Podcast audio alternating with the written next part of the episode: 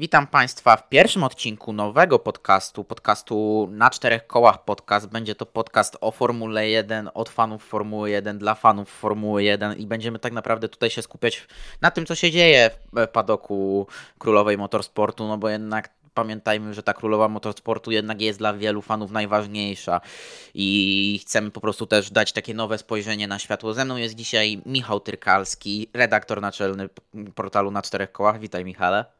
Dzień dobry, cześć. Powiemy sobie o tym, co się działo w ostatni weekend, o tym, co będzie się działo w najbliższy weekend, o tym, co, czym ten czym padok Formuły 1 żył w, ostatnim, w ostatni weekend i czym może żyć w Hiszpanii w przyszły weekend, no bo tych tematów jest troszkę, nam się uzbierało, ale zaczniemy chyba od samego Monako i od tego, co się działo w Monako, no bo tam było dość gorąco, było ciekawie i myślę, że zaczniemy od tych kwalifikacji, które były bardzo emocjonujące. Ostatecznie nic się nie zmieniło, Max Verstappen z pole position, ale jednak to, jakie, jakim stylu zdobył to pole position, już nie jest takie typowe i myślę, że jednak y, to były najbardziej wyrównane kwalifikacje w tym sezonie, no bo mieliśmy tak naprawdę do samego końca w cztery zespoły w grze o pole position. Oj tak, dokładnie. Co więcej, można powiedzieć, to od pierwszej części już Q1 mieliśmy dużo walki.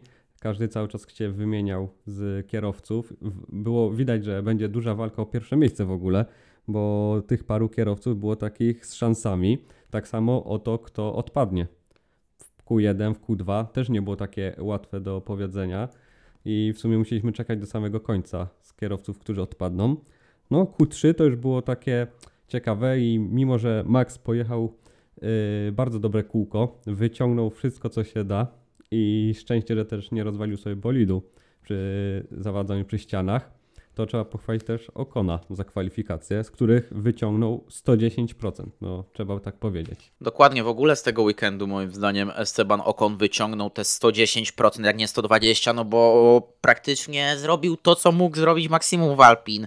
Jednak nie oszukujmy się, że Max Verstappen i Fernando Alonso byli poza zasięgiem, no bo Aston Martin był w ogóle poza zasięgiem swoich rywali i był realnie drugą siłą stawki, no bo chociaż też był drugą siłą stawki, nie wiadomo, bo tak naprawdę tylko jeden bolid Astona Martina był w, tym, w ten weekend w grze, drugi bolid gdzieś tam się tułał, ale no to już sobie przy wyścigu powiemy, no bo też, ale to już można w kwalifikacjach wspomnieć, że Lance Stroll 14 miejsce odpada w Q2, a tymczasem Fernando Alonso bije się i tak naprawdę do trzeciego sektora był zdobywcą pol, do trzeciego sektora Maxa Verstappena na ostatnim okrążeniu był zdobywcą pole position i Verstappen sobie tylko tym ostatnim okrążeniem, przepraszam, ostatnim sektorem gdzieś sobie wyrwał praktycznie to pole position, a tak to Fernando pojechałby po to pole position i, i mógłby zdobyć po raz pierwszy pole position od 2012 roku, więc to pokazuje, że ten Aston Martin na wolnych torach, na torach, gdzie ten, ta prędkość nie jest ważna, jest bardzo blisko Red Bulla, jest tak naprawdę na milimetry z Red Bullem i jeżeli te poprawki, o których też będziemy mówić później, naprawdę znajdą dobrze zastosowania Red Bulla trochę trochę dotkną te kary za sezon 2021, no to myślę, że na przykład w takim Singapurze Aston Martin może być czołową siłą stawki, ale no to też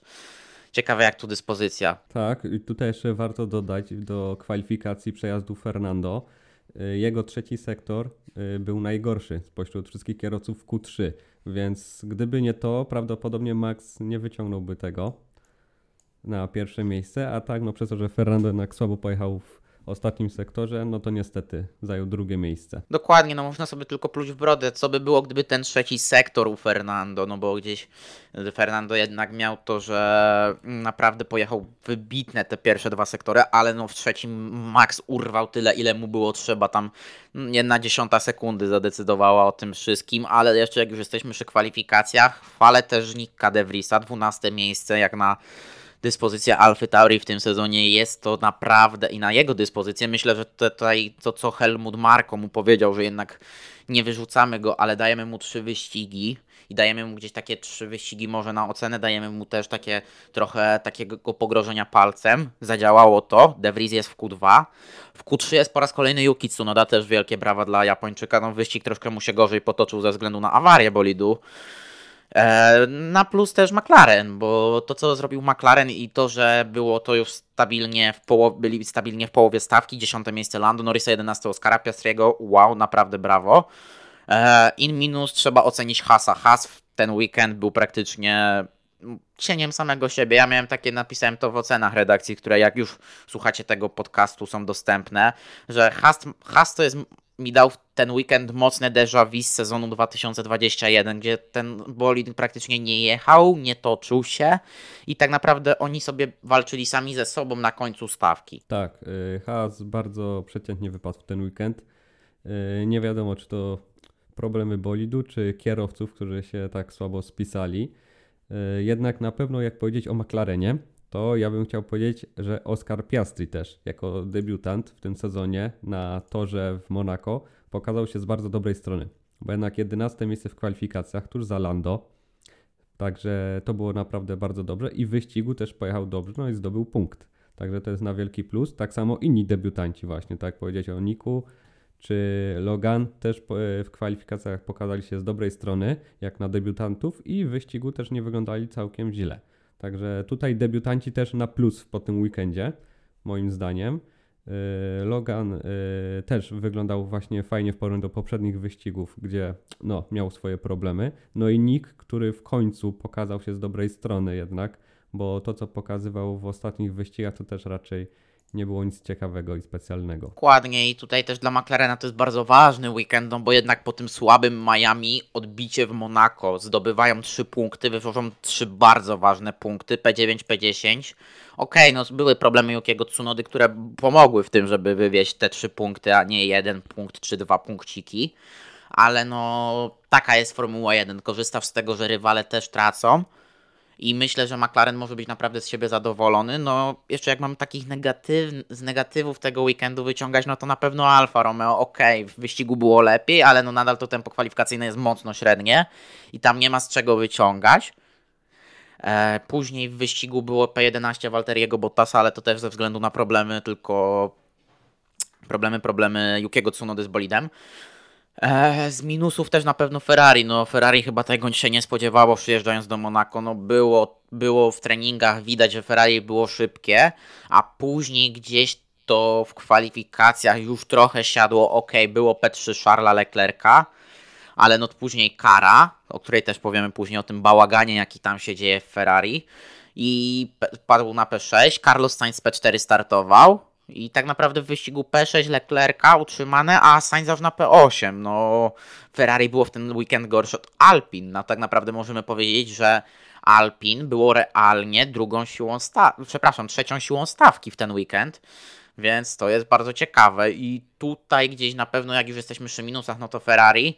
Lansa Strolla już nie chcę naprawdę jakoś oceniać tak dramatycznie, krytycznie, bo w ocenach redakcji napisałem, że zacytowałem pierwsze dwa wersy pewnej bardzo słynnej pieśni kościelnej, bo po prostu no, no, to, to, to, już mi trudno naprawdę komentować to, te wyczyny Lansa Strolla. Mieć takie auto, mieć Fernando Alonso w bolidzie obok, po drugiej stronie garażu, który tak naprawdę wykręca regularnie wyścig w wyścig podia, a ty gdzieś się tułasz, i jeszcze nie dość tego, że na przykład w Miami wypadasz w Q1, jak dobrze pamiętam, no to w Monako wypadasz w Q2, P14, później jedziesz w wyścigu tak gdzieś się tułasz, a na koniec jeszcze gdzieś wjeżdżasz w ścianę już na mokrych oponach na Interach. Tak, Lance Stroll pokazuje, że yy, mimo, że ma dobry bolt, on jest słabym kierowcą i teraz, gdy jeździ właśnie z Fernando, to bardzo dobitnie widać. I mimo, że ma kolegę, partnera bardzo doświadczonego, od którego mógłby się jeszcze no,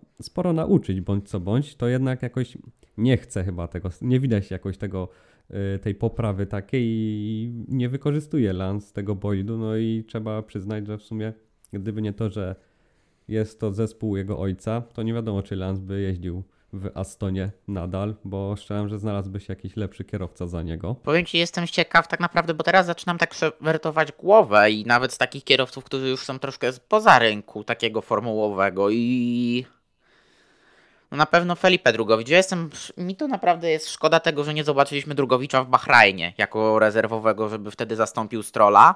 No bo ciekaw jestem, jak Drugowicz by pojechał wtedy w Bahrajnie i jaki dałby benchmark temu bolidowi. Czy on był naprawdę w stanie też pojechać, że w Q3 by się zjawił wtedy w Bahrajnie, żeby pojechał fajnie w wyścigu. No ja jestem bardzo ciekaw, bo myślę, że e, Brazylijczyk by pokazał, że naprawdę jest takim kierowcą, który potrafi, który umie jeździć, umie walczyć i tak naprawdę ma ten racecraft, który jest potrzebny, żeby dobrze punktować obok Fernando, no bo to, że Fernando jest liderem zespołu, to jest niepodważalne, ale tam też jest potrzebny drugi kierowca. Jeżeli chcesz budować zespół na Mistrzostwo Świata, to jest ci potrzebny drugi kierowca, który będzie na tyle dobrze punktował, żeby na przykład móc się komfortowo rozsadzić na drugim miejscu w tym sezonie, jako wicelider klasyfikacji konstruktorów. A obecnie Aston Martin jest tak naprawdę tylko jeden punkt przed Mercedesem na tym drugim miejscu, no bo okej, Fernando Alonso ma 90 kilka punktów nastukane, ale Lance Stroll ma ledwo 27 punktów w tym sezonie, no to jest bardzo słaby wynik, patrząc na to, że to są gdzieś okolice Charlesa Leclerca, jak się nie mylę z kierowców, aż muszę zaraz, a zaraz sprawdzę. No nawet Charles Leclerc jest przed Lancem Strollem, a pamiętajmy, że Charles Leclerc miał fatalny start sezonu, no bo e, w Australii był DNF, Bahrajnie był DNF, tylko było podium w Baku. Okej, w Baku było podium plus drugie miejsce w sprincie, więc 22 punkty wywiózł, ale no też nie punktuje za jakoś super. E, tutaj bym powiedział Charles Leclerc, a on jest już blisko 15, jest 15 punktów przed Strollem, więc to tak naprawdę już jest komentarz sam w sobie, mi się wydaje. Tak, a przecież Aston ma lepszy bolid niż Ferrari. To trzeba też dodać, bo to widać. I tak naprawdę Aston walczący z Mercedesem o drugie miejsce, to bardziej można powiedzieć, że to Fernando Alonso walczy z Mercedesem, bo Lance na razie tych punktów nie przywozi, więc jeżeli Aston nie będzie miał szczęścia, albo Fernando y, nie wygra jakichś wyścigów, no to może być tak właśnie, że Aston nie skończy na drugim miejscu, tylko właśnie za Mercedesem będzie. A Mercedes możliwe, że te poprawki, które wniósł teraz do Monako, mogą się okazać bardzo pozytywne i bolid przyspieszy. Dokładnie o tych poprawkach jeszcze za chwilę powiemy, ale sam wyścig, jak na Monako, mi się wydaje, że naprawdę było bardzo, bardzo dobrze. Patrząc na to, że mimo, że nawet jeszcze patrząc przed tym deszczem, to przed tym deszczem już było dość emocjonująco. Jakieś stra szachy strategiczne ze strony Ferrari próbowali gdzieś tam podkusić Alpin na jakiś pit stop. Nie udało im się, no próbowali dwa razy, nie udało się Alpin, nie dało się na to skusić. Tutaj gdzieś też walka w środku stawki, a później jak już ten deszcz nam spadł na tor, to tak naprawdę to, te wszystkie błędy, na przykład błąd Astona Martina i błąd w komunikacji, który zabrał Fernando Alonso zwycięstwo. No tak naprawdę wyścig jak na Monaco i jeden z lepszych w ostatnich latach. Tak, zgadzam się w tym 100%. Yy, Kwalifikacje to chyba najlepsze z ostatnich lat w Monako i wyścig też naprawdę bardzo dobry z ostatnich lat, więc na plus w tym roku Monako. No te kwalifikacje, powiem Ci, chyba nawet przebiły ten 2021 rok, bo ja pamiętam, że w 2021 roku też się człowiek emocjonował, ale to ja mówię z perspektywy fana Ferrari, no to wtedy to praktycznie po takim sezonie 2020 takie Monaco 2.21 spadło praktycznie jak manna z nieba, gdzie nagle widzisz, że Twój zespół bije się o pole position i tak naprawdę jest liderującą siłą w stawce, no bo nie oszukujmy się, że wtedy Ferrari w Monaco było najszybsze, ale okej, okay, już wracając do roku 2023, do obecnego sezonu, do tego co było podczas podczas tegorocznego Grand Prix Monte Carlo.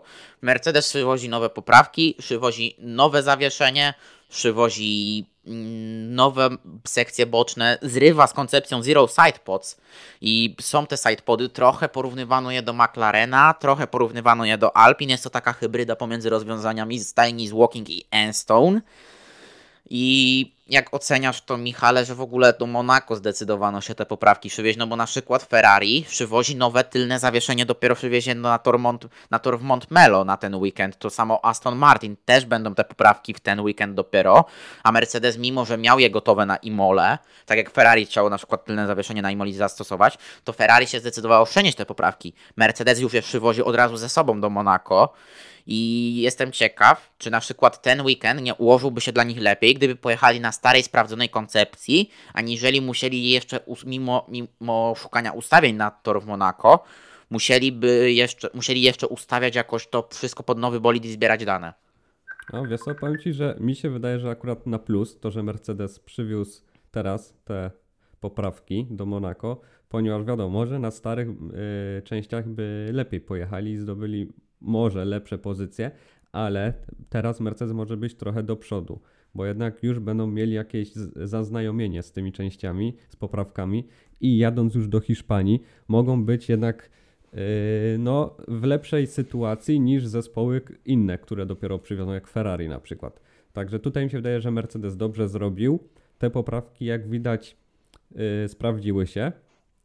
I Mercedes wywiózł sporo punktów. Wydaje mi się, że w Hiszpanii wtedy zobaczymy takie już w 100%, czy te poprawki Y, nadają się i czy dużo wniosą, ale wydaje mi się, że Mercedes może być teraz z tymi poprawkami, no częściej jeszcze w tej topce. Ciekawy punkt widzenia, no bo masz rację, że te poprawki jakoś nie popsuły Mercedesa. Okej, okay, to że Lewis Hamilton się męczył tak naprawdę z tym bolidem w kwalifikacjach, okej, okay, ale zrobił ostatecznie P5 i udało się dzięki temu ukończyć wyścig na czwartym miejscu George Russell.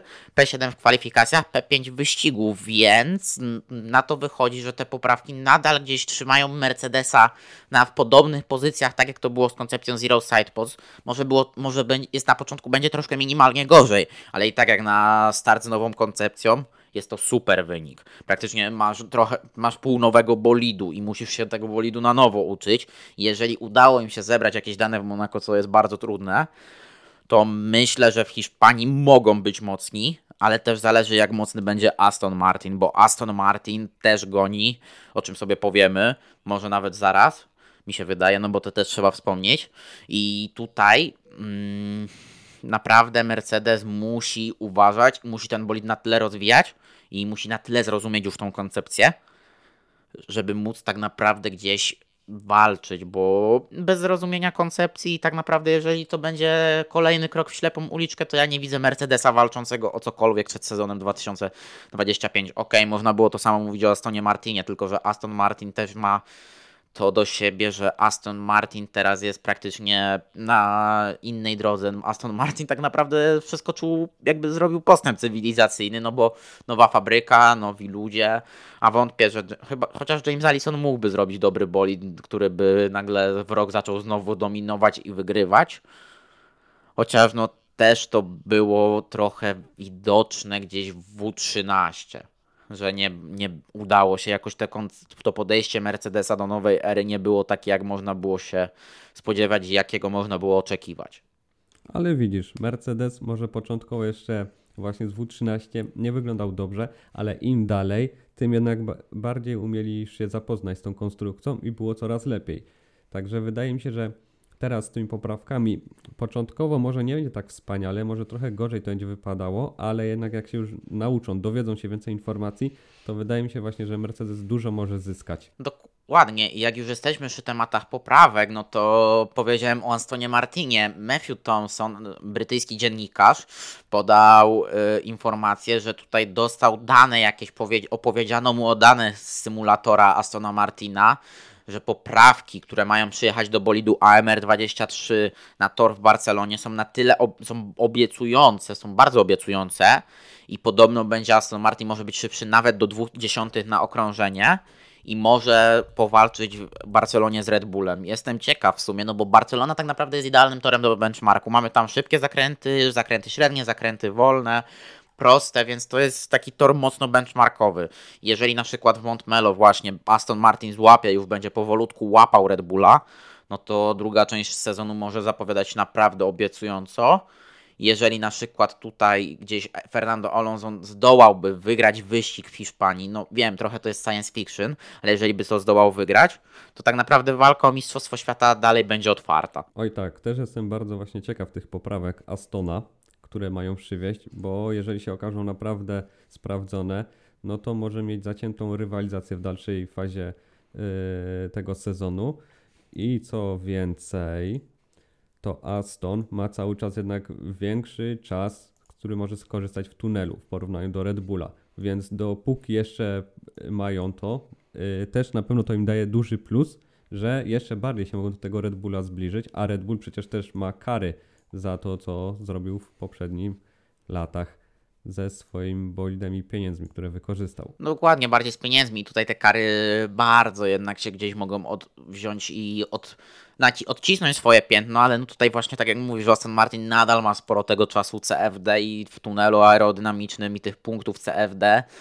Więc tutaj Aston Martin ma ten plus, że on jeszcze może ten bolid maksymalnie docisnąć w tym okresie i chcą docisnąć ten bolid w tym okresie, no bo im później, no bo później, ok, będą na tym P2, to będzie mocne zmniejszenie czasu, ale nadal będą i tak mieli troszkę więcej tego czasu od Red Bulla i będą mieli bardzo dobrą bazę, żeby przy tych karach Red Bulla zacząć się do niego zbliżać. I jeżeli te informacje są prawdziwe i naprawdę, jeśli w Monmelo będzie blisko Aston Red Bulla, to ja daję sobie rękę uciąć, że Fernando wygra gdzieś do Singapuru.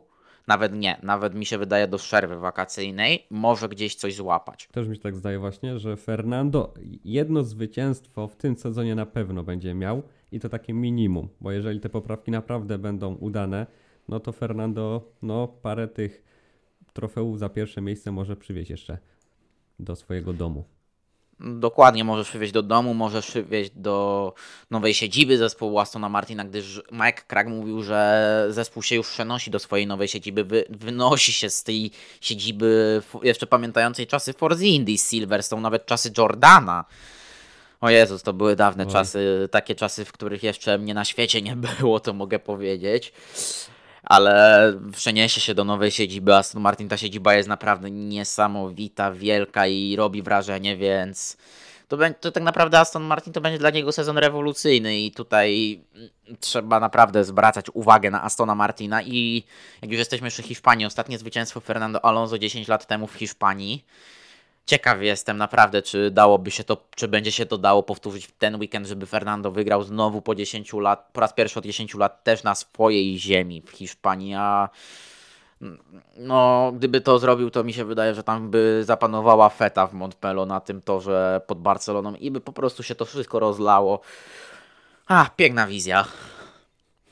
Ale wiesz co, pamiętaj, że to może się w jakimś stopniu spełnić. Bo jak trochę szczęścia dopisze, to nie wiadomo, czy taki Fernando nie wygra wyścigu. Więc. O, trzeba wierzyć. Fani, fani Fernando będą wierzyć, pewnie będą trzymać kciuki, a my wracamy do tego troszkę, co było w Monako i wracamy do Alpin, bo Alpin mnie w ten weekend bardzo pozytywnie zaskoczyło tym swoim tempem i tym, jak to wszystko gdzieś zagrało im. P3 Estebana Okona w kwalifikacjach, P7 Piera Gasliego i te wyniki zostały przeniesione na wyścig.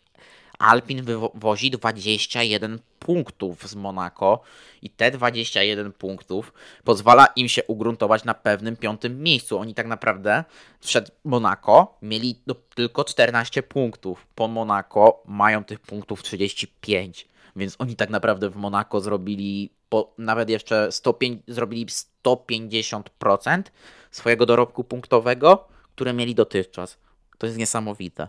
Tak, Alpin y, ten weekend miał bardzo dobry i właśnie Esteban Ocon, jak i Pierre Gasly pojechali super. Y, teraz właśnie zespół się umocnił na piątym miejscu i wydaje mi się, że to będzie taka piąta siła tego sezonu, chociaż musimy poczekać, co przyniosą kolejne wyścigi, bo McLaren też podobno szykuje jakieś poprawki jeszcze, więc zobaczymy. Ale Alpin na obecny moment pokazał się z bardzo dobrej strony i wydaje mi się, że to w przyszłych wyścigach też jeszcze Alpin może też zaprocentować właśnie i zdobywać sporo punktów. Pierre Gasly jednak też już widać łapie yy, to yy, doświadczenie w nowym zespole, zaznajemia się już coraz lepiej. Także tutaj teraz może być tak, że dwójka kierowców będzie na dobrym poziomie i będą przywodzić sporo punktów. Także no, robi się ciekawie, ciekawie. Dokładnie, masz rację. No tak naprawdę Pierre Gasly po tych problemach z początku sezonu już poznał chyba na tyle dobrze tę konstrukcję e, Francuzów, Francuzów no, francusko-brytyjskiego zespołu, że po prostu jest w stanie na niej jeździć na naprawdę fajnych wynikach. No okej, okay, jestem ciekaw też, czy po prostu Alpin ma na tyle tak boli skonstruowany, że on na tych wolnych torach będzie jeździł dobrze, bo na, taki następny benchmark mi się wydaje dopiero w Singapurze będzie. Singapur, mm, tak jeszcze się zastanawiam, może Zandvoort, na pewno raczej Zandvoort. Zandvoort, Singapur to będą takie benchmarki, ale jak tam będzie na przykład mocny, mocny Aston Martin, mocny Alpin, no to znaczy, że to są bolidy pod y, wolne tory, których niestety coraz mniej w Formule 1, bo takich torów technicznych już, tory techniczne nie są w modzie, ale no jestem sam w szoku, jak Alpin, tak naprawdę po tym, co się działo dookoła tego zespołu dotychczas, no bo było tam bardzo gorąco, Laurent Rossi, CEO Alpin do spraw wyścigów, tutaj grzmiał praktycznie, był niezadowolony bardzo z tego, jak ten zespół się sprawował, nie był zadowolony z tego, co Otmar Schaffnauer robi w tym zespole. teraz tak naprawdę zamknięto usta Rossiemu i Alpin zostaje tak upewnione, że oni idą, że my idziemy w dobrym kierunku. To jest dobry kierunek rozwoju bolidu i my mamy jakiś potencjał, no bo trzeba też sobie wspomnieć, że to P3 Estebana Okona nie zostało tak wywalczone, o, bo na przykład wypadł Perez, wypadł Sainz, wypadł Leclerc, wypadł ktokolwiek, tylko tak naprawdę to było czystym tempem. Esteban Ocon pojechał sobie po to P3 czystym tempem, za co wielkie kudos dla niego, no bo to też naprawdę należy na pochwałę. Za, mm, należy na pochwałę. I tutaj Alpin naprawdę fajny weekend pokazało i jeżeli będą to w stanie pociągnąć w Hiszpanii, będą tak to w głąb sezonu w stanie pociągnąć, no to się umocnią jako piąta siła, a może nawet gdzieś mi się, może zaczną mitycznie wchodzić do tej czołówki, o której oni tak marzą. Jest to możliwe, pomyśląc też o tym, jak Ferrari jeździ i popełnia cały czas błędy. Także wydaje mi się, że jeżeli Alpin dalej tą formę będzie mogło utrzymać z Monaco na kolejne Grand Prix, no to jest taka szansa, że będą mogli coś powalczyć właśnie w topce i może, nawet jakby trochę szczęścia dopisało, nawet skoczyli na czwarte miejsce w klasyfikacji, co jest też by było już dużym pocieszeniem dla zespołu. Oj, żeby wskoczyli na czwarte miejsce w klasyfikacji, to ja nie wiem, co by musiało się zacząć dziać w Maranello. Chociaż w Maranello może się zacząć dziać wszystko, no. Wiesz, to jest Ferrari, to wszystko jest możliwe. Dokładnie, no. Wiesz, ja wchodzę później na przykład na motorsport.com, czy dostaję powiadomienia z La Gazetty, że Wasser jest tam zadowolony z tego, co się działo w zespole po Grand Prix Monaco a Carlos Sainz, który jechał w wyścigu, grzmiał na radio do swojego inżyniera, że to było, to jest to, o czym dokładnie do Was mówiłem. E, papraliście robotę i to jest takie. I właśnie chyba teraz z tego Alpin płynnie właśnie przeszliśmy do bałaganu, jaki się dzieje w zespole z Maranello, no bo zmieniono szefa jak to powiedział Kamil Niewiński w naszej audycji, w której miałem, brać, miałem przyjemność brać udział w niedzielę przed wyścigiem, wyścigowa niedziela w Radio Gol, powiedział, że zmieniono szefa kuchni w Ferrari, czyli zamieniono Mattie Binotto na Freda Wassera, ale kucharzy nie zmieniono. I tak naprawdę, okej, okay, zmienimy szefa kuchni, ale są nadal ci sami kucharze, oni nadal będą gotować. Co z tego, że wrzucimy jednego wybitnego szefa, który i tak nie ugotuje tego, co robią, nie ugotuje, bo on nie gotuje za innych i oni nadal będą gotować po prostu przysłowiowe G. Więc yy, ja nie wiem, czy gdzieś w Ferrari nie jest po prostu problem z taką mentalnością i gdzieś te problemy z komunikacją mi się wydaje, no bo to też widać po tym, jak Charles Leclerc dostał tę karę trzech miejsc przesunięcia na gridzie, bo po prostu nie został poinformowany o tym, że Lando Norris jedzie za nim i może go po prostu przyblokować. I to nie jest już taka pierwsza sytuacja pomiędzy Leclerciem a Xavierem Marcosem, że gdzieś Xavier Marcos zawodzi Leclerca i Leclerc na to narzeka. I po prostu może to jest moment, żeby spojrzeć na Mercedesa, spojrzeć na Red Bulla, spojrzeć na Astona Martina i spojrzeć na ich inżynierów wyścigowych i naprawdę gdzieś zacząć zapuszczać takiego przysłowiowego pawia w tamtym kierunku, żeby gdzieś może yy, po prostu szukać tam inżynierów wyścigowych i po prostu zmienić tę kadrę, która jest obecnie w Maranello. Oj tak, no w sumie patrząc na Ferrari, to tam sporo jeszcze trzeba było zmian w zespole zrobić, żeby coś tam zaczęło funkcjonować. Wydaje się w jakimś stopniu, że jest niby lepiej, ale kurczę, czasami jak widzimy to, co się dzieje w tym sezonie, to to nie wygląda jakby było lepiej, jakby to było cały czas to stare, dobre Ferrari, które odwalało jakieś głupoty. Także nie wiem, no obym się mylił i żeby to Ferrari się jakoś ogarnęło, obudziło i może się jeszcze poprawili w tym sezonie. No ale tak jak to wygląda obecnie, właśnie do tej sytuacji z Monaco, gdzie nie poinformowali Charlesa o tym, że Lando jedzie i powinien mu ustąpić miejsca, no to no ciężko coś, ciężko to wytłumaczyć w ogóle, jak inżynier nie poinformował go o tej sytuacji. A to było przecież widoczne na kamerach, inżynierowie to widzieli, no bardzo dziwne. Więc to tylko pokazuje właśnie ten bałagan Ferrari i oby to jakoś naprawili, jakoś posprzątali to, no bo nie chce się, kurczę, to jest bardzo smutne, patrząc to, to, gdzie Ferrari było w tamtym sezonie. I mimo, że też bałagan był w tamtym sezonie i potrafili walczyć o to mistrzostwo z Red Bullem, a teraz gdzie są, no to nie wygląda tak fajnie i trochę smutno się robi na pewno kibicom Maranello, że jest jak jest właśnie. Chyba już się przyzwyczailiśmy do tego, powiem tak w imieniu kibiców z Maranello, przyzwyczailiśmy się do tego, że ten zespół zawodzi, no bo w zeszłym sezonie było fajnie i w zeszłym sezonie mogło być to mistrzostwo, gdyby nie jakieś głupkowate błędy strategiczne, gdyby nie troszkę czasami jakieś błędy Charlesa Leclerca, chociaż tych błędów Charlesa Leclerca też nie było jakoś za wiele, no bo tylko ta Francja mi się przypomina, a reszta no to był zespół. W Hiszpanii zawiódł silnik, w Monako zawiódł zespół, w Wielkiej Brytanii zawiódł zespół. A, jeszcze co z takich wyścigów było? Yy, W Singapurze nie było już totalnie tempa w Ferrari. Oj, oj, oj, yy, Monza nie było tempa, Belgia była dramatem, yy, Holandia też poniżej komentarza, a później, oj, oj, tak już zaczynam się pastwić. W Francji błąd Leclerca, w Austrii się udało wygrać na szczęście, ale no... mm, Tak naprawdę, no powiem Ci, że Ferrari w większym stopniu to były właśnie problemy zespołu, a nie Leclerca, bo on jakieś tam błędy popełnił, przez które też stracił tę pozycję, ale w większości jednak no to był błąd zespołu, przez który albo zła strategia z oponami, albo jakieś złe informacje podane w trakcie wyścigu czy kwalifikacji. No ciężko, ciężko to wygląda. Gdzieś od odejścia Mauricia Rivabene to się zaczęło wszystko psuć, bo za Mati Binot to już w pierwszym sezonie, pamiętasz na przykład Rosję 2019, to tam też już był na przykład bałagan z tym, jak po prostu mogli, nie mogli uporządkować tego, żeby po prostu przepuścić Leclerca, żeby to on walczył o zwycięstwo, a nie, a po prostu nie byli w stanie uporządkować Sebastiana Vettela i przyprowadzić go do porządku. I gdzieś to wszystko chyba zostało spotęgowane przez sezon 2020 i tak naprawdę Ferrari jest nadal w takim maraźmie, z którego mógłby go wyrywać tylko może nowy człowiek na stanowisku dyrektora technicznego i może wymiana też, no tak naprawdę trzeba by wymienić całą kadrę kierowniczą i postawić na ludzi z zagranicy. No postawiono na zagranicznego szefa zespołu, postawiono na Freda Wassera pierwszy raz od Żana Toda i od roku 2007, no bo, dwa, no bo tak naprawdę po Żanie Todzie byli już tylko Włosi. Był Stefano Domenicali, później był Maurizio Arrivabene i Mattia Binotto, więc tak naprawdę to jest pierwszy zagraniczny, to jest pierwszy zagraniczny szef Ferrari od wielu lat.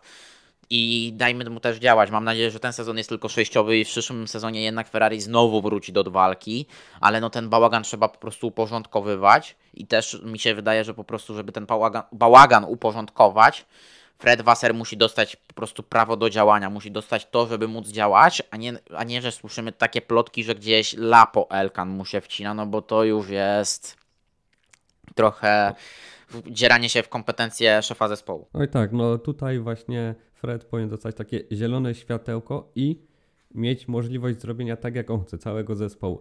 To mogę powiedzieć taki przykład idealny do Arsenalu i Mikela Artety w piłce nożnej, gdzie trener dostał pełne prawo, tak jak chce mieć zespół ludzi odpowiednich do każdym stanowisku i to zaczęło funkcjonować. I wydaje mi się, że jakby Ferrari tak coś zrobili, no to też by to zaczęło funkcjonować. No ale by właśnie, tam by trzeba było sporą część ekipy zmienić. Tam by trzeba po prostu podejście zmienić, Michał, bo tam jest takie stare, jeszcze takie stare, betonowe, konserwatywne podejście, mi się wydaje. I okej, jak ono w Endurance działa, no bo Antonio Coletta robi cuda w dziale Competizioni GT i. Ferrari od wielu lat jest na szczycie w GT i.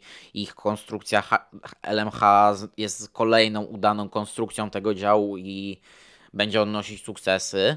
No to w F1 gdzieś to nie działa i może to też jest to, że może było, może trzeba było postawić na człowieka jak Antonio Coletta, ale no to co działa w GT i to co działa w GT nie do końca może, musi działać w F1, też jednak to jest projekt Hypercar, mi się wydaje, jeżeli by już miała być, że jeżeli już by miał Coletta wchodzić, to po końcu przyszłego sezonu, jak ten projekt e, Hypercar już się rozkręci, no bo ten człowiek mógłby zadziałać dobrze i by zadziałał dobrze, no bo jest przykład Andreasa Zajdla, który przyszedł do McLarena jako człowiek, który był po doświadczeniach w dziale motorsportu Porsche i do, główno dowodzący programu 919, który wró- przywrócił Porsche tak naprawdę po wielu latach niebytu w topowych klasach w Le Mans do zwycięstw, więc yy, to jest tak naprawdę bardzo rozległy temat. Oj tak, no w sumie o tym, co jest w Ferrari, co się dzieje i co tam powinno być zmienione, moglibyśmy rozmawiać i rozmawiać, no ale nie mam chyba aż na to tyle czasu. Czyż nie, Piotr? No nie mamy czasu, nie mamy, a wiesz, też no to jest taki czas, już tyle na ten temat powiedziano, że będziemy pewnie jeszcze, wiesz, co, co weekend, co dwa, zależy też jakie składy będą się spotykać, to pewnie będą o tym mówić. Oj tak, ale może nawet o tym można by nawet zrobić osobny podcast i porozmawiać tylko o Ferrari. A, pewnie będzie, pewnie zrobimy taki podcast, może w przerwie wakacyjnej, może kiedyś jak będzie nas po prostu, będzie na tyle, to nas po prostu już frapowało, że będzie, po prostu powiemy, musimy to zrobić i po, po prostu siądziemy, siądziemy pewnego popołudnia, nagramy, puścimy, ale to są już takie, to jest po prostu już to, co jest w planach. E, tak jak już wspomnieliśmy, Ferrari przywiezie do Hiszpanii nowe tylne zawieszenie, które podobno jest mocno obiecujące i tutaj może być zacząć być takim pakietem poprawek, które będą, no bo to też będą poprawki nie tylko tylne zawieszenie, ale też będzie nowy pakiet aerodynamiczny, nowy pakiet przy sekcjach bocznych i ten pakiet też może dać, mówi się, że może dać Ferrari sporo, ale zobaczymy ile da, no bo to też jest nie wiadomo.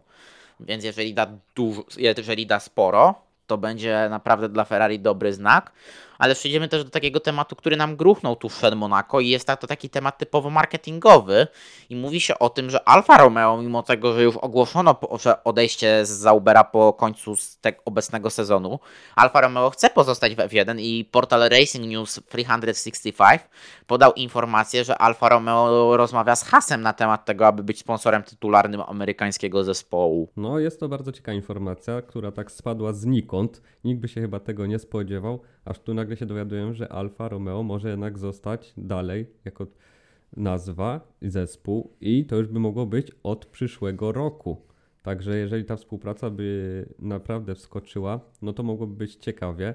Alfa Romeo Haas, no wygląda to ciekawie, ale czy, jakby to wyglądało, czy to jest już takie pewne, to tego nie wiemy, ale teraz pewnie będzie głośno. W Hiszpanii może coś, jakieś więcej informacji się dowiemy na ten temat. No kto wie, kto wie. Powiem Ci tak, to jest na tyle ciekawe, że mówi się w kontekście Alfa Romeo o dwóch sprawach. Pierwszą z nich jest to, o czym teraz mówimy, a drugą sprawą jest to, że Alfa Romeo jakoby miała przejąć program fabryczny Peugeota w World Endurance Championship i program Hypercara 9X8. Miałaby go na tyle zmodyfikować, że tam by weszło tylne skrzydło do tego auta i miałaby to rozpocząć jako swój program fabryczny od, od przyszłego sezonu.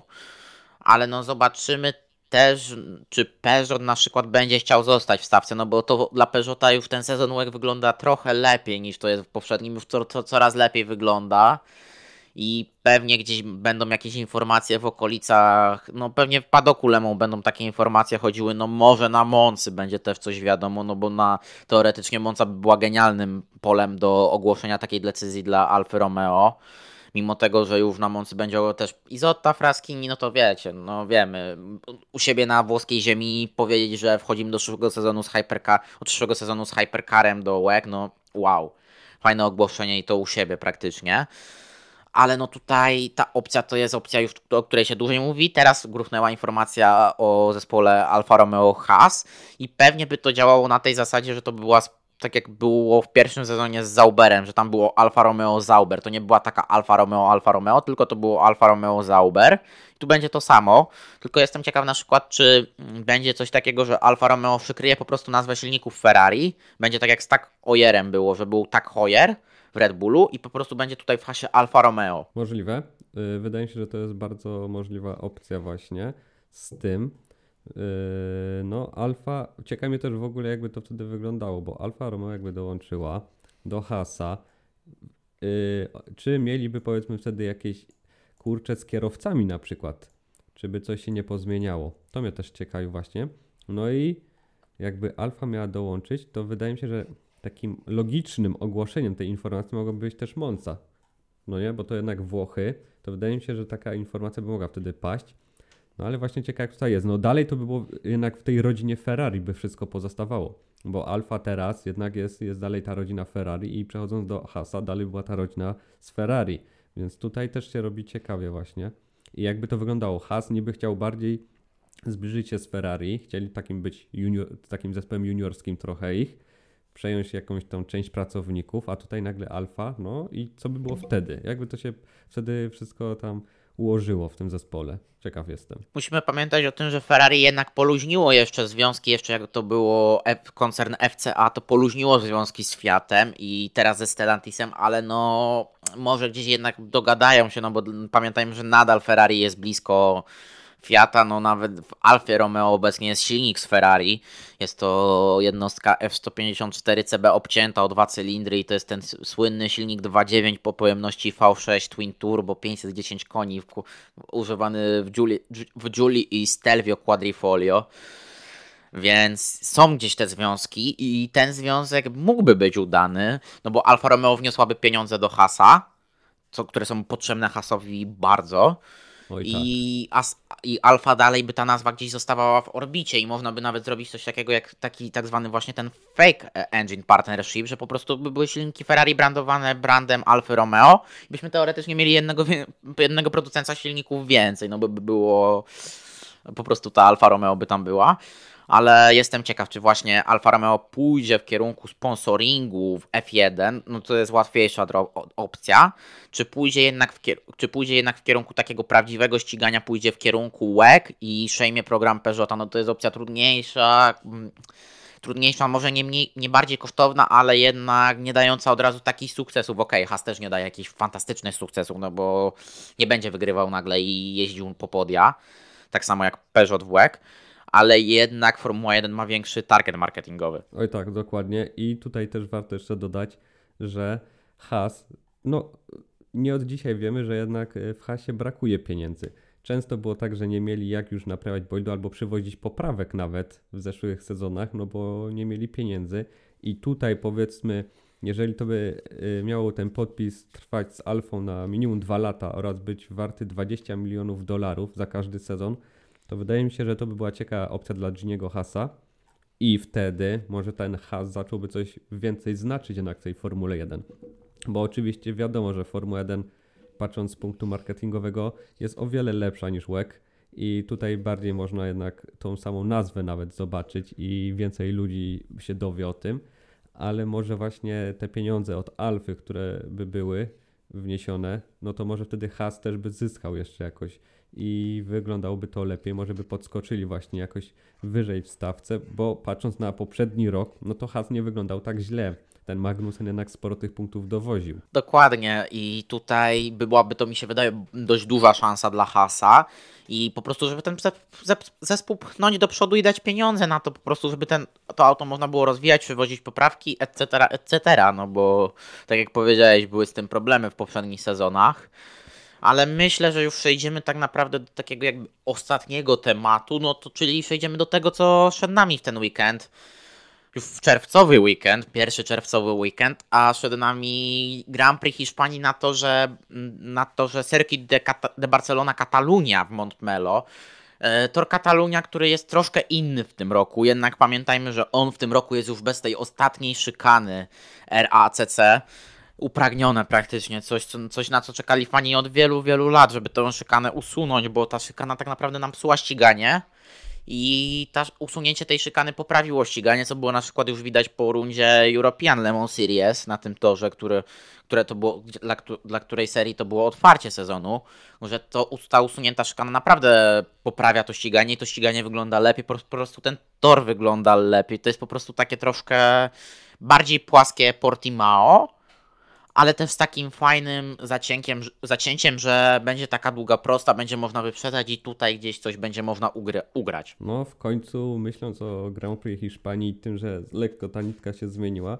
może w końcu będzie jakiś ciekawy wyścig, co warto też dodać, bo powiedzmy, że w tych ostatnich latach no nie były to najciekawsze wyścigi na tym obiekcie, więc teraz może właśnie po tych poprawkach, jak powiedziałeś, że już było widać, że już jest lepiej, to może teraz w formule też już się okaże, że ta nitka będzie już taka idealna i będziemy mieli takie konkretne ściganie i będzie dużo wyprzedzania, dużo walki na to, że, że będziemy oglądali przez całe, przez dwie godziny nie nudząc się. Dokładnie, będziemy oglądać i nie będziemy dostawać automatycznych odruchów wymiotnych, albo e, będziemy po prostu usypiać, tak jak to na przykład miało w tym, w tym roku miejsce w Baku, bo ja myślałem, że przy Grand Prix Azerbejdżanu usnę tak szczerze, a na przykład Monako już było emo bardziej emocjonujące dla mnie aniżeli Baku w tym sezonie i chciałbym zobaczyć to samo w Hiszpanii, że w tej Hiszpanii będzie się coś działo.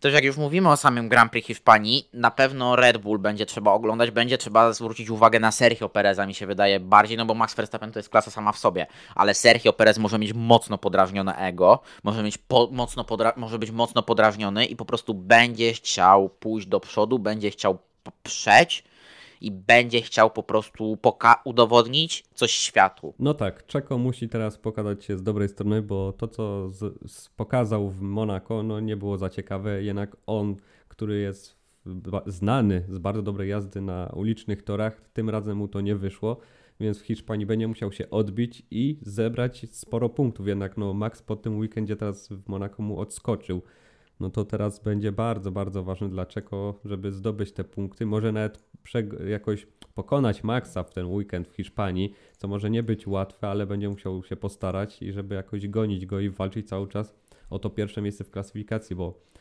jak wiemy, przecież y, Sergio chce walczyć o tego mistrza, bo nie wiadomo, czy dalej będzie mu jeździć w Red Bullu, czy w ogóle pozostanie w Formule 1 na przyszłe lata, tego nie wiemy, więc musi wykorzystać swoją szansę w tym sezonie. No i Hiszpania wydaje się takim dobrym resetem po tym, co się stało właśnie teraz.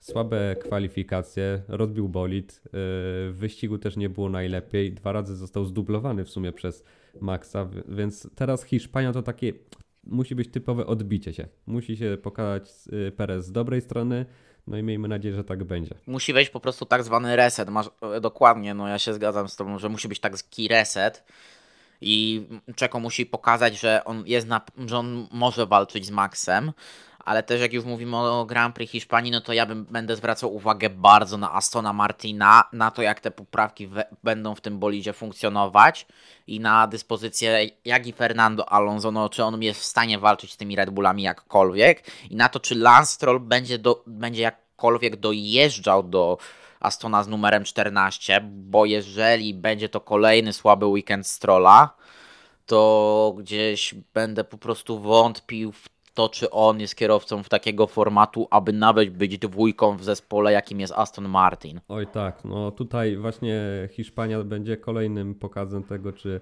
Lance zasłużenie jeździ w tej Formule 1, czy jednak jest w stanie podążać za tym Fernando, czy to jest tylko takie, że jedzie przez nazwisko swoje i przez to, że tata jest szefem. No bo na razie Lance nic nie pokazał w tym sezonie, więc Hiszpania też wydaje się być dobrym momentem, a jeszcze jak będą te poprawki w bolidzie, no to wydaje się, że jest to dobry taki prognostyk może, no ale tego nie wiemy. Ja natomiast popatrzę, chciałbym zwrócić uwagę na pewno na Mercedesa i te poprawki jednak, bo zobaczymy jak to w Hiszpanii zadziała. No i jestem też ciekaw McLarena, ponieważ oni te poprawki już przywieźli jakiś czas temu, ale no tak, w Azerbejdżanie nie wyszły, w Monako jako tako było ok.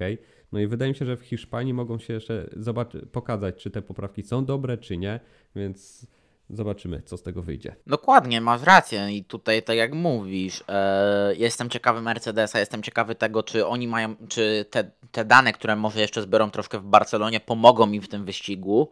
Jestem ciekaw dyspozycji McLarena, bo McLaren mo może wyrasta nam na taką szóstą siłę stawki, piątą, szóstą gdzieś z Alpin, ale raczej Alpin na razie jest pewnie na piątym miejscu po Monaco. I jest, ja jestem ciekaw Ferrari, czy ten pakiet poprawek, który też wiezie włoska stajnia do Montmelo, będzie jakkolwiek y, im w stanie coś zagwarantować czy będzie w stanie im dać po prostu lepszy, lepszy performance. Tak, no w sumie patrząc na to, jakie zespoły przewożą teraz poprawki na ten weekend, że Mercedes już ma poprawki i dalej będzie się ich uczył i sprawdzał, no wydaje mi się, że Hiszpania ogólnie będzie bardzo ciekawym weekendem bo jednak dużo nowości będzie w bolidach, więc albo nam się trochę pomiesza też stawka znowu, bo jedni mogą zyskać na tych poprawkach, a drudzy mogą stracić. Więc tutaj może być bardzo ciekawie. Ferrari też właśnie z tymi poprawkami w tym zawieszeniu wydaje się, że może podskoczą, może podgonią to top 2. top 3. Zależy, ciężko powiedzieć też. Zobaczymy, jak to Alpin teraz się pokaże, z, z, z jakiej strony, czy dalej będzie tak jak w Monaco, czy nie. I ten McLaren, no, tak jak mówisz, szósta siła. Wydaje mi się, że może być szósta siła. Trzeba też yy, dopowiedzieć, że te poprawki, co oni ostatnio przywieźli, to oni powinni je mieć już na początek sezonu. Wiadomo, że w McLarenie też nie jest wesoło, były tam zmiany. Teraz trochę poszli inaczej, teraz próbują się zrozumieć ten bolid, no i kolejne poprawki też za niedługo będą, więc może ten McLaren jeszcze zyska sporo. I jeszcze warto dodać o McLarenie, że mimo, że mają dwóch młodych kierowców, Lando już jest doświadczony, ale z dobrej strony pokazuje się Oscar Piastri. I wydaje mi się, że teraz w Hiszpanii no, zna ten tor i może być też właśnie yy, fajny wynik z jego strony. Zgadzam się z Tobą, Michał, i tutaj uważam, że gdzieś naprawdę może być fajny wynik e, Oscara Piastriego, fajny wynik Lando Norrisa i ja naprawdę czekam na to, żeby ten McLaren jednak szedł w górę, bo w zeszłym sezonie to już jakoś wyglądało w pewnych momentach, a w tym znowu gdzieś McLaren spadł, znowu źle zaczyna sezon i znowu gdzieś musi gonić. A, a w tym sezonie ma naprawdę dwóch kierowców na równym poziomie, bo jak w zeszłym sezonie był Lando Norris i było dwa poziomy i dopiero te dwa poziomy niżej był Daniel Ricardo, to w tym sezonie Oscar Piastri w tym aucie daje radę i jeździ na bardzo solidnym poziomie, więc naprawdę zachęcamy do śledzenia Grand Prix Hiszpanii, bo będziemy mieć sześć pierwszych zespołów, które będą nam się praktycznie będzie, na, na, które warto będzie zwracać uwagę. Będzie tył stawki, który też będzie mocno przemieszany. Nie będzie to tak jak w Monako, więc naprawdę zachęcamy do śledzenia. I powolutku już dobijamy do końca naszego podcastu, dobijamy do końca pierwszego odcinka. E, ja przypomnę, że mm, social media naszego portalu to jest na czterech, na czterech, małpa na czterech oczywiście, na Twitterze, Instagramie, na czterech kołach, na Facebooku i strona i grupa, do, które, do, do, do, do dołączania której bardzo zachęcamy też będziemy tam rozwijać funkcję czatów na Messengerze w tej grupie, więc będzie można tam, będziemy planowali tam stworzyć fajne miejsce do dyskusji. Zachęcam do tego, zachęcamy do subskrypcji naszego kanału na YouTube na czterech kołach. Zachęcamy do zostawienia tego znaczka, który, za, który przypomina na Spotify czy na innej jakiejkolwiek platformie streamingowo-podcastowej o nowym odcinku. Moje social media Szczepanik o Motto, Instagram, Twitter, yy, Facebook Szczepanik o Motorsporcie, Twitter Michała to jest Tyrkus 62S na końcu. I ja dziękuję bardzo Tobie, Michale, za ten pierwszy odcinek. Ja również bardzo dziękuję. No i jeszcze jedna informacja, to zapraszamy do przeczytania naszych ocen po weekendzie w Monako. Zobaczyć, kto zaplusował, kto był na minus, więc jeszcze zapraszamy do tego artykułu naszego. Dokładnie, zapraszamy do ocen, bo nagrywamy to we wtorek i jeszcze tych ocen nie ma, ale jak już to słuchacie, to najprawdopodobniej będzie albo wtorek wieczór, albo w środę będzie ten podcast, więc te oceny już będą na portalu i będzie można jeszcze czytać. Ja bardzo zachęcam do ich przeczytania. No i życzę miłego weekendu z Grand Prix Hiszpanii i słyszymy się po Grand Prix Hiszpanii w następnym odcinku podcastu. Do usłyszenia. Do usłyszenia.